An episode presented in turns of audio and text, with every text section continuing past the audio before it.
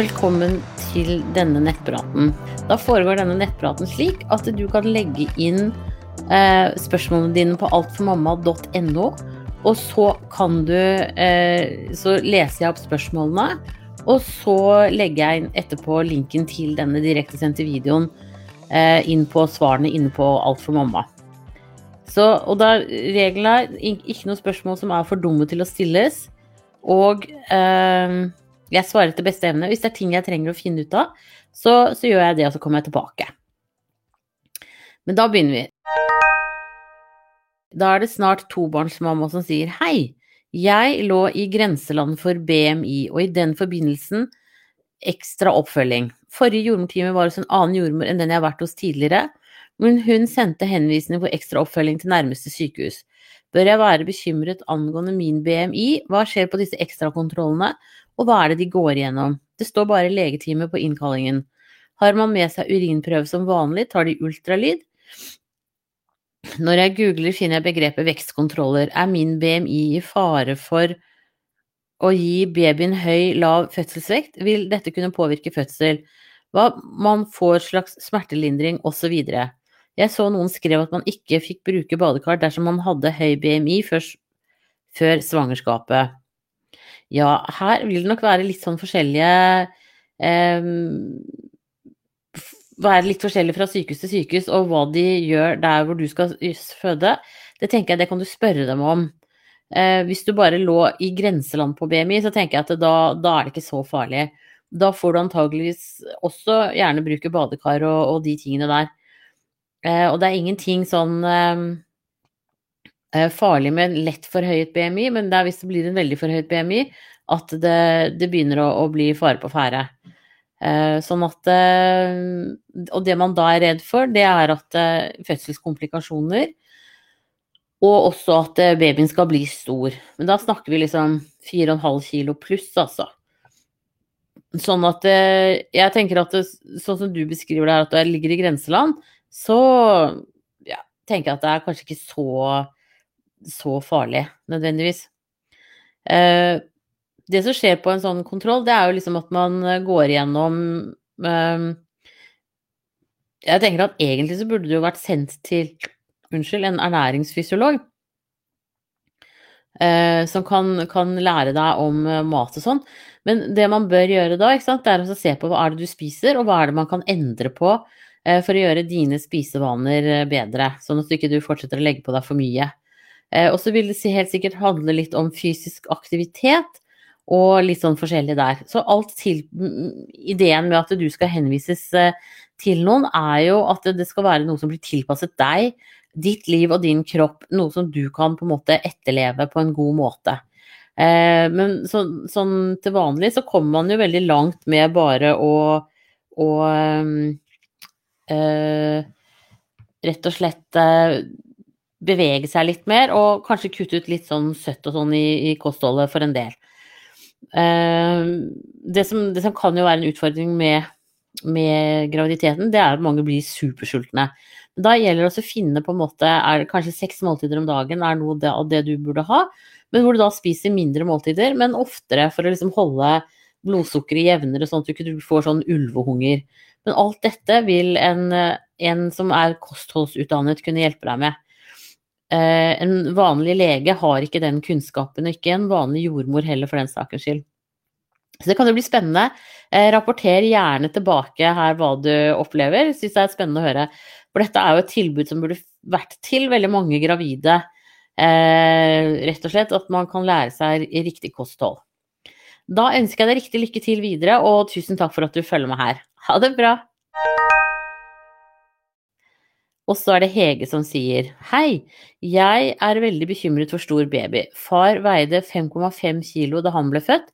Jeg er 33 pluss 4 uker på vei.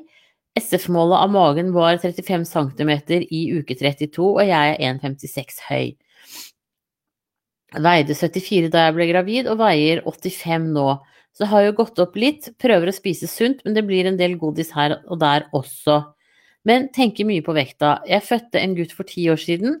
Eh, vannavgang i uke 38 pluss 2, og han født 38 pluss 4. med 3750 gram. Så han var jo ikke liten, han heller. Da gikk jeg opp fra 65 kilo til 105. Levde veldig usunt og var veldig ung, så tenkte aldri over konsekvensene med kosthold osv. Er det noe jeg kan gjøre angående størrelse på baby? Kan man risikere å føde før termin denne gangen, da det skjedde før av seg selv også? Uh, her er det flere faktorer som spiller inn. Det er bl.a. om det er samme far til begge disse to barna.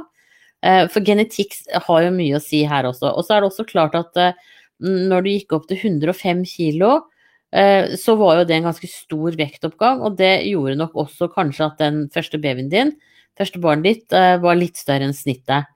Snittet ligger jo på 3500 gram til termin, men for å komme frem til et sånt snitt, så må man jo ha noen barn som veier mye mer, og noen barn som veier mye mindre. Eh, sånn at eh, det er jo ikke eh, Hva skal vi si Det er ikke så mange som veier akkurat 3500 gram. Eh, men det at du er litt nøye, at du ikke har gått opp så mye i vekt nå, det er jo superbra. Eh, du kan helt fint legge på deg 12 eh, kilo, og det har du vel snart Det har du vel akkurat gjort? Ehm, eh, og så er du i uke 33. Så dette, du ligger veldig fint an, altså. Mellom 12 og 20 kilo er normalt eh, å legge på, på seg. Eh, det du kan gjøre for å ikke liksom spise for mye godis, det er jo å ha litt tettere måltider. At du spiser fem-seks ganger om dagen, men da med litt sunnere mat. Da får du et jevnere blodsukker, sånn som jeg sa til hun forrige. Blodsukkeret blir jevnere, og den ulvehungeren og suget etter noe søtt blir ikke like stort. Eh, så det kan være en god investering. Og så pass på at du drikker nok, fordi at eh, tørst kan også forveksles med sult, faktisk. Så eh, det her høres bra ut. Og grunnen til at far veide 5,5 kilo da han ble født, det er jo vanskelig å si. Enten så er han kjempesvær, lang fyr, eller så var det kanskje av en mor som eh, også spiste litt for mye søtt og, og kanskje hadde en litt sånn eh, sukkersyke, diabetes på lur. Um, for når de blir så store, så ligger det ofte eh, noe litt sånn sykdom bak, rett og slett. Så det kan jo hende at, eh, at hun kanskje har diabetes nå. Men det er jo en vill gjett fra min side, da. Eh, men eh, fortsett å holde deg i bevegelse, spis sunt. Eh, og så tenker jeg at ikke tenk så himlade mye på vekta hele tiden, for det er fryktelig slitsomt. så prøv også å slutte å tenke på vekta, men spise litt det du har lyst på, men ikke bare, altså, ikke bare søtsaker. Men kjenn litt etter på kroppen din. Hva, hva, er det du kunne tenke deg å spise? Hva er ålreit for deg? Så jeg tror at hvis man venner seg til å kjenne etter i kroppen, så, så vil man også på sikt uh, spise sunnere. Men da ønsker jeg deg riktig lykke til videre. Eh, riktig lykke til videre, og tusen takk for at du følger meg her. Ha det bra! Og så er det vond og øm mage. Hei, jeg er 33 pluss 4 på vei. Jeg har vondt i magen hele tiden. Den er så øm og vond når jeg går, står eller flytter på meg da jeg sitter og ligger. Virker som babyen ligger voldsomt høyt hele tiden. Kan det være en grunn? Er det noe man kan gjøre? Er så ubehagelig og vondt. Magen blir steinhard så fort jeg beveger meg også. Er det såkalte kynnere? Har de siste dagene hatt mye menssmerter nede i magen, kan det være kroppen som gjør seg klar for fødsel i fremtiden. Det er nok kynnere som gjør kroppen din klar for fødsel, men det er litt tidlig å føde enda. Så jeg syns at du skal få time hos fastlege eller jordmor i morgen og så tar du med en urinprøve. Den kan du godt ha i et syltetøyglass eller et eller annet glass med godt lokk på som er rent. Um, det aller beste er om hvis du kan tisse, altså dusje først, tisse litt utafor, og så resten på glasset. Uh, og det behøver ikke, må ikke være den liksom aller, aller første urinen på morgenen. Men i hvert fall sånn at, du, at den er ren. Det er, det er det aller viktigste. For når du har en så irritabel mage, så kan det hende at det er en urinveisinfeksjon du har. Eh, og det kan føre til for tidlig fødsel hvis det står ubehandlet. Så derfor så er det fornuftig for deg også um, å få sjekka deg i morgen. Og det syns jeg faktisk du skal gjøre. Og blir du verre til i morgen, så syns jeg du skal ringe til fødestedet ditt og så snakke med dem. Eh, men sånn sier, Det virker jo som at dette har pågått litt. kanskje et par uker, og da er det helt greit også også vente til i morgen. Men, men tiltar det, så for all del, da ringer du føden med en gang. Da ønsker jeg deg riktig lykke til videre, og tusen takk for at du følger med her. Ha det bra! Og så er det Linda som sier jeg hadde en Emma for tre og en halv uke siden. Måtte ta utskraping. Sjekket et, en uke etter, og det var ikke rester. Nå fikk jeg mensensmerter og ny blødning, men fortsatt positiv graviditetstest. Kan jeg ha mensen med HCG i blodet, eller kommer den når testen er negativ? Du kan ha HCG i blodet inntil ni uker etter en abort. Så derfor så kan du også ha mensen faktisk samtidig eh, med at du nå har forhøyet HCG. Så det er helt normalt. Eh, og det er en av grunnene til at man faktisk kan bli lettere gravid rett etter en abort. Nettopp fordi at man har de graviditetsbevarende hormonene i kroppen. Så når den blødningen her avtar, så er det bare å, å, begynne å prøve igjen, altså. Det er ingen hindring. Det er ingen større sjanse for abort, og heller ikke noe større sjanse for misdannelser eh, om du skulle bli gravid på første forsøket nå. Så da sier jeg tvi-tvi og ønsker deg riktig lykke til videre. Ha det bra. Og så er det tredjegangsfødende som sier er i uke 34 pluss 4 i dag. Var inne på sykehuset pga. regelmessige kynnere som heldigvis ikke åpnet mormunnen i uke 31 til 32. Har fått beskjed at jeg skal komme inn når fødselen starter skikkelig, da det ikke stopper det nå uansett, men har slitt med vonde kynnere siden da, men siste døgnet har det endret karakter. Vondt generelt i mage og rygg, mye kynnere med murringer og nedpress. Også mer utflod siste døgnet. Hva er normalt? Siste del av svangerskapet, er dette fødselstegn, eller er det rett og slett vanlig med så mye så tidlig? Har hatt styrtfødsler så redd jeg går og modner uten og uten skikkelig rier, og plutselig i full fødsel. Har ikke hatt vonde regelmessige rier før de andre fødslene har startet heller. Har gått slik som dette dagene før fødsel har startet. Men fødte etter uke 37 de andre gangene. Syns dette er litt tidlig. Ja, det er jeg litt enig med deg i, at det er klart de stopper det ikke nå. Men hvis du skulle gå i fødsel nå, så kan det hende at babyen trenger litt tid på prematur. Så derfor så syns jeg du skal ta og ringe til føden nå. Jeg kan egentlig jeg skriver det inn, jeg bare sånn fordi at jeg syns det på en måte haster litt. Eh, for det er jo som du sier, at når du har gått og hatt det sånn i flere dager, også de andre gangene, og så født veldig raskt, så tenker jeg at det kan være lurt å heller få en sjekk, sånn at du ikke føder hjemme. For det å føde et lite prematurt barn hjemme, det er liksom litt dumt. Det går som oftest helt bra, men, men eh, absolutt lurt å få en sjekk. Så da ønsker jeg deg riktig lykke til videre, og tusen takk for at du følger meg her. Og så er det Urin som sier hei, lurer på én ting. Har sett på toalettpapiret, klarte ikke å se om det er samme farge i doskåla pga. det blir utvannet i dovannet. All fargen når jeg tørker meg er oransje, det er lys på en måte. Og kanskje et snev av rosa, men usikker, eller gult, men usikker, i denne oransje fargen på toalettpapiret. Men det er vanskelig å tyde, men det er oransje iallfall. Er dette normalt? er i uke 25. Da Det er litt sånn vanskelig å si. Um, men jeg tenker det, luk, det kan hende lukter det litt av den utfloden din også. Uansett så tenker jeg at du kunne fått en time hos fastlegen din i morgen, og så eh, få sjekka den utfloden, om det kan være en bakteriell et eller annet. Um, men det er også litt sånn der at eh, utfloden kan variere veldig når man er gravid. Eh, og den kan gå fra liksom blank til ganske gulig. Men når den begynner å bli sånn mursteinsfarget eller grønn, så kan det tyde på at det er bakterier uh, med i spillet. Og da er det bare legen som kan hjelpe deg. Så ring til fastlegen din i morgen, uh, og så får du en sjekk i morgen eller i overmorgen. Det tenker jeg kan være lurt. Da ønsker jeg deg riktig lykke til videre, og tusen takk for at du følger med her. Ha det bra! Og så er det SA som sier Hei, jeg har et friskt barn fra før, samt noen spontanaborter bak meg. Jeg er nå gravid i uke 12 pluss 3, og jeg var på ultralyd for litt over en uke siden, og alt så bra ut. Men i går begynte jeg å blø, og i dag har jeg sterke kramper og rier, og det kommer blodklumper. Jeg vet hvor dette ender, for å si det slik, men dette er første gang det skjer såpass sent. Så jeg er litt bekymret for hva jeg vil se når den kommer ut. Jeg har ikke veldig lyst til å dra på sykehuset, men syns du jeg bør det, eller bare la det skje naturlig hjemme?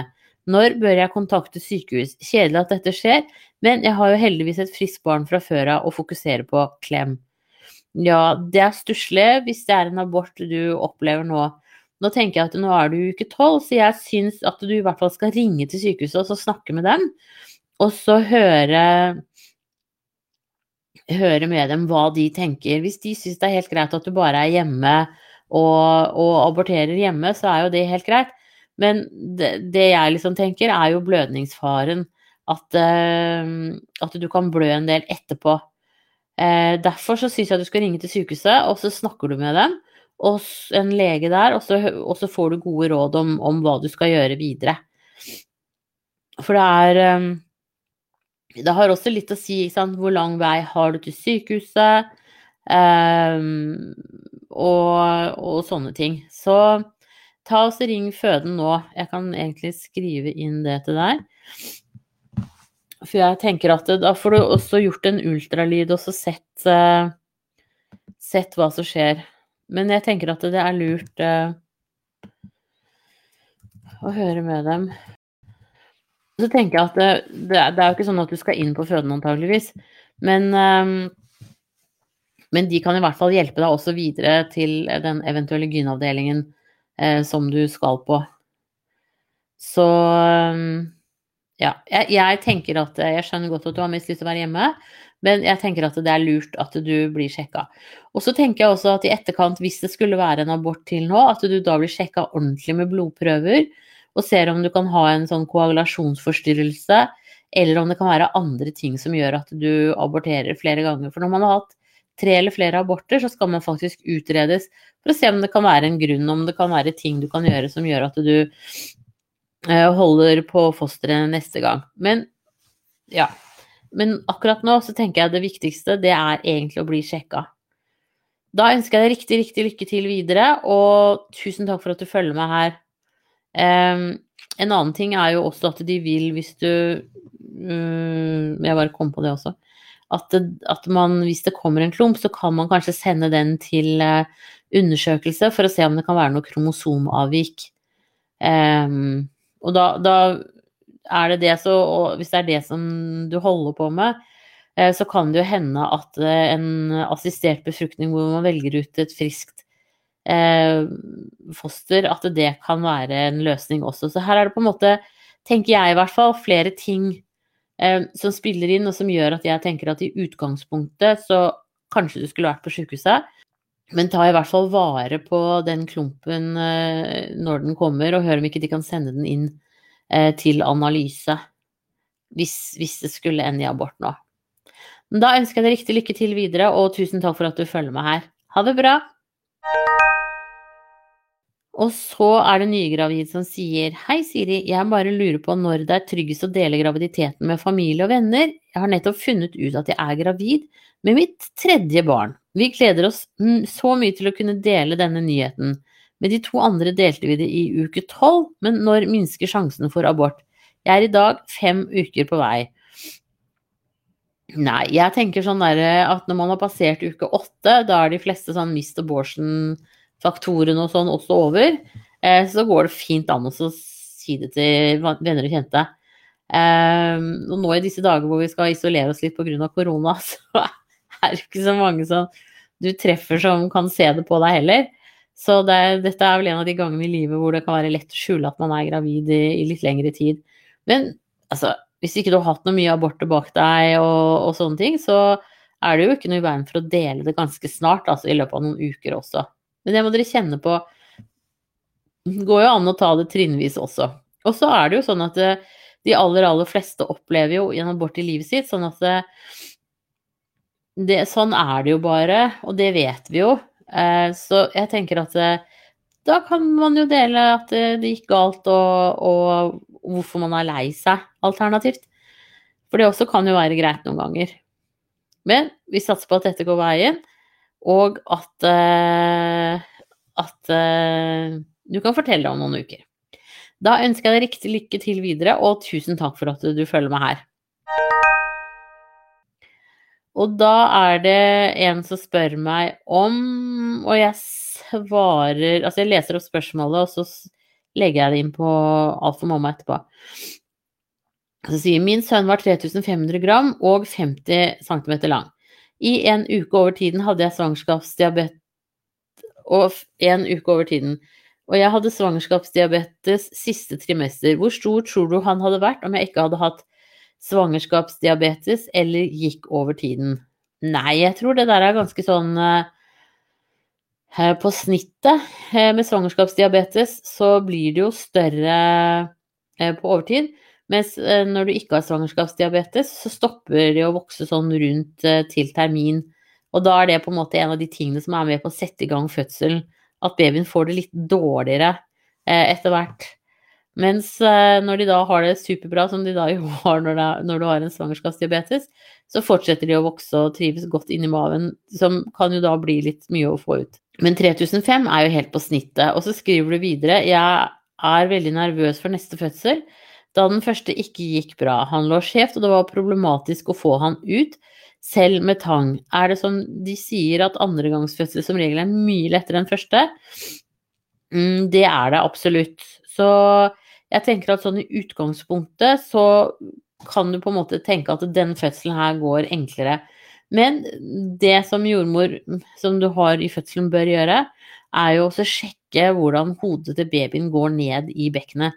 Går det skeivt denne gangen også, så kan det jo hende at man alternativt bør gjøre et keisersnitt hvis det tar veldig lang tid. Men dette her er sånn som man kan vurdere underveis, og dette syns jeg du skal snakke med jordmora di om i graviditeten også, og få en god eh, formening om der. En som kjenner deg og fødested og hele alt det. Det jeg tar og gjør med det spørsmålet ditt nå, det er at jeg tar og legger det inn her på, på Alt for mamma, eh, og så eh, Og så ligger jo svaret her, da. Og så er det usikker som sier hei, kan ja, Men du, da, nå bare roter jeg. Eh, da ønsker jeg deg riktig lykke til videre, og tusen takk for at du følger meg her. Ha det bra. Og da er det usikker som sier kan gravide spise vannmelon inkludert de svarte steinene? Ja, det kan du, men jeg ville jo ikke tatt med de svarte steinene. Nå er jeg litt usikker på om det er sånn barneovertro eller hva det er, men jeg er i hvert fall opplært til at de kan samle seg i eh, blindtarmen og gi blindtarmbetennelse. Eh, så derfor er det ikke så lurt å spise de svarte steinene. Så hvis du ikke gidder å pelle dem ut, så kjøp heller melon som ikke har svarte steiner, eller spis andre typer melon. Nå er det jo sånn at vannmelon er kjempebra å spise når man er gravid fordi det har så mye væske i seg. Um, sånn at du får liksom tilført væske med god smak. Så vannmelon er absolutt av de gode tingene å spise når man er gravid, altså. Så det er en god investering. Du får bare presse samboeren din til å pelle dem ut. Og være litt sånn derre bitchy gravid, eventuelt. Men um, da ønsker jeg deg riktig lykke til videre, og tusen takk for at du følger meg her. Da var det dagens siste spørsmål for nå, så jeg tar også eh, slutter direktesendingen. Men hvis det kommer flere spørsmål, så svarer jeg på de skriftlige. Da må dere ha en strålende dag videre, og så snakkes vi ganske så snart igjen. Ha det bra!